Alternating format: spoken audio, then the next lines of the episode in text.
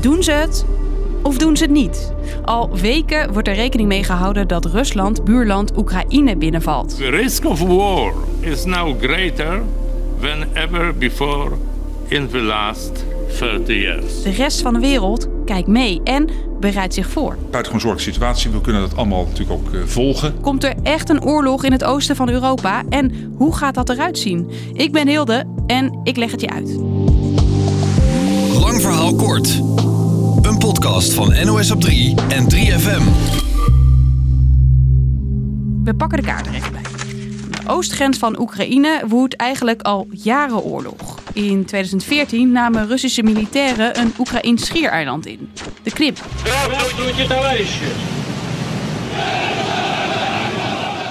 Sindsdien vecht het Oekraïense leger tegen rebellen die liever bij Rusland willen horen. De afgelopen maanden verzamelde Rusland militairen aan de Oekraïnse grens.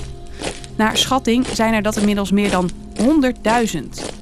Westerse landen zien het als een bedreiging. We have real concerns about uh, Russia's unusual military activity on the border uh, with Ukraine. Maar ook Rusland voelt zich ondertussen bedreigd. We do not trust the other side, so to say. De Russische onderminister van Buitenlandse Zaken is dit, Ryabkov. We need ironclad, waterproof, bulletproof, legally binding guarantees. Zijn land vindt dat de macht van het Westen de afgelopen tientallen jaren veel te dichtbij is gekomen.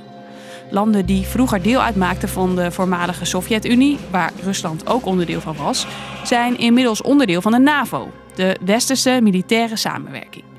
Rusland wil voorkomen dat dat met Oekraïne ook gebeurt. To make sure that Ukraine never, never ever becomes member of NATO. Westerse landen willen dat niet garanderen. Die vinden dat Oekraïne daar ook vooral zelf over gaat.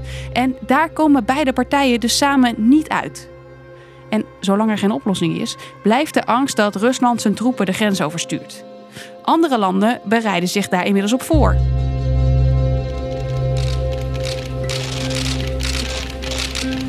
De afgelopen tijd zijn er heel veel gesprekken geweest om een oorlog te vermijden.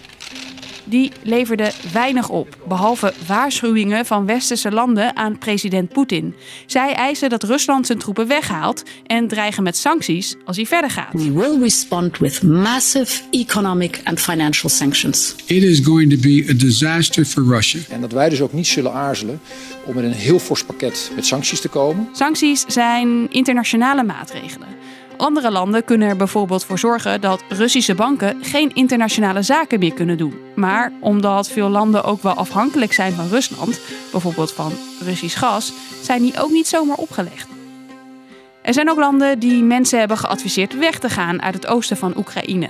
Amerikanen en Britten bijvoorbeeld. Nederland wacht daar voorlopig mee, maar worstelt wel, zegt minister Hoekstra van Buitenlandse Zaken. Nou, dat is natuurlijk een enorm dilemma, omdat je eh, niet te vroeg weg wil, want dan draag je potentieel bij aan instabiliteit.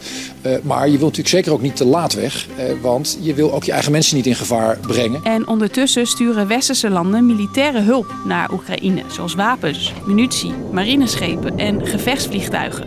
Allemaal voor het geval dat er gevechten komen. Maar komen die gevechten er ook echt? Bob Deen van instituut Klingendaal houdt de situatie in de gaten.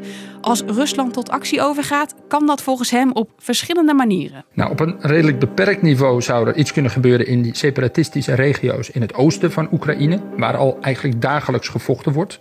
Rusland zou die regio's kunnen erkennen als onafhankelijke staten en daar zijn eigen troepen neerzetten. Ook cyberaanvallen zijn mogelijk. Dan blijven ze net onder die drempel, misschien, uh, waarna het Westen sancties zal opleggen. Maar er zijn ook scenario's waarbij Rusland wel echt overgaat tot militaire actie. Dan zouden ze vanuit de lucht uh, of met middellange afstandsraketten Oekraïnse militaire infrastructuur kunnen raken. En zonder al te veel zelf tanks de grens over te zetten, zouden ze wel uh, Oekraïne ernstig kunnen beschadigen. Of ze kunnen verder gaan en proberen stukken land in te nemen. Daarbij wordt dan vooral gedacht aan delen van het oosten van Oekraïne. Of in een heel dramatisch scenario waarin Rusland vanuit Belarus en het noorden uh, oprukt naar Kiev en probeert de hoofdstad in te nemen. Maar dat laatste vind ik best een onwaarschijnlijk scenario, omdat het een, een hele grote stad is, een miljoenenstad aan de oever van een grote rivier. En die neem je niet zomaar eventjes in. Er is natuurlijk nog een scenario dat er met praten toch een uitweg wordt gevonden. Kijk, zolang de gesprekken nog lopen en ze niet de deur dicht hebben gegooid, is er altijd nog wel hoop op een uitweg. Kortom, we moeten het wel heel serieus nemen. Dit is een enorme serieuze confrontatie in Oost-Europa. Maar we moeten ook niet verlamd worden door angst. Dus, lang verhaal kort, er is spanning op de grens tussen Rusland en Oekraïne. En de afgelopen weken is de situatie er niet beter op geworden. Wat er nu gaat gebeuren, dat is onduidelijk. Rusland zou Oekraïne kunnen binnenvallen, maar kan ook op kleinere schaal proberen druk uit te oefenen op het Westen. Als je nou beter wil begrijpen hoe Poetin naar de rest van Europa kijkt, bekijk dan onze uitlegvideo die we eerder hebben gemaakt. Die vind je op ons NOS op 3 YouTube-kanaal. En morgen dan vallen we jouw favoriete podcast app weer binnen met een nieuwe aflevering. Dank voor het luisteren. Doei!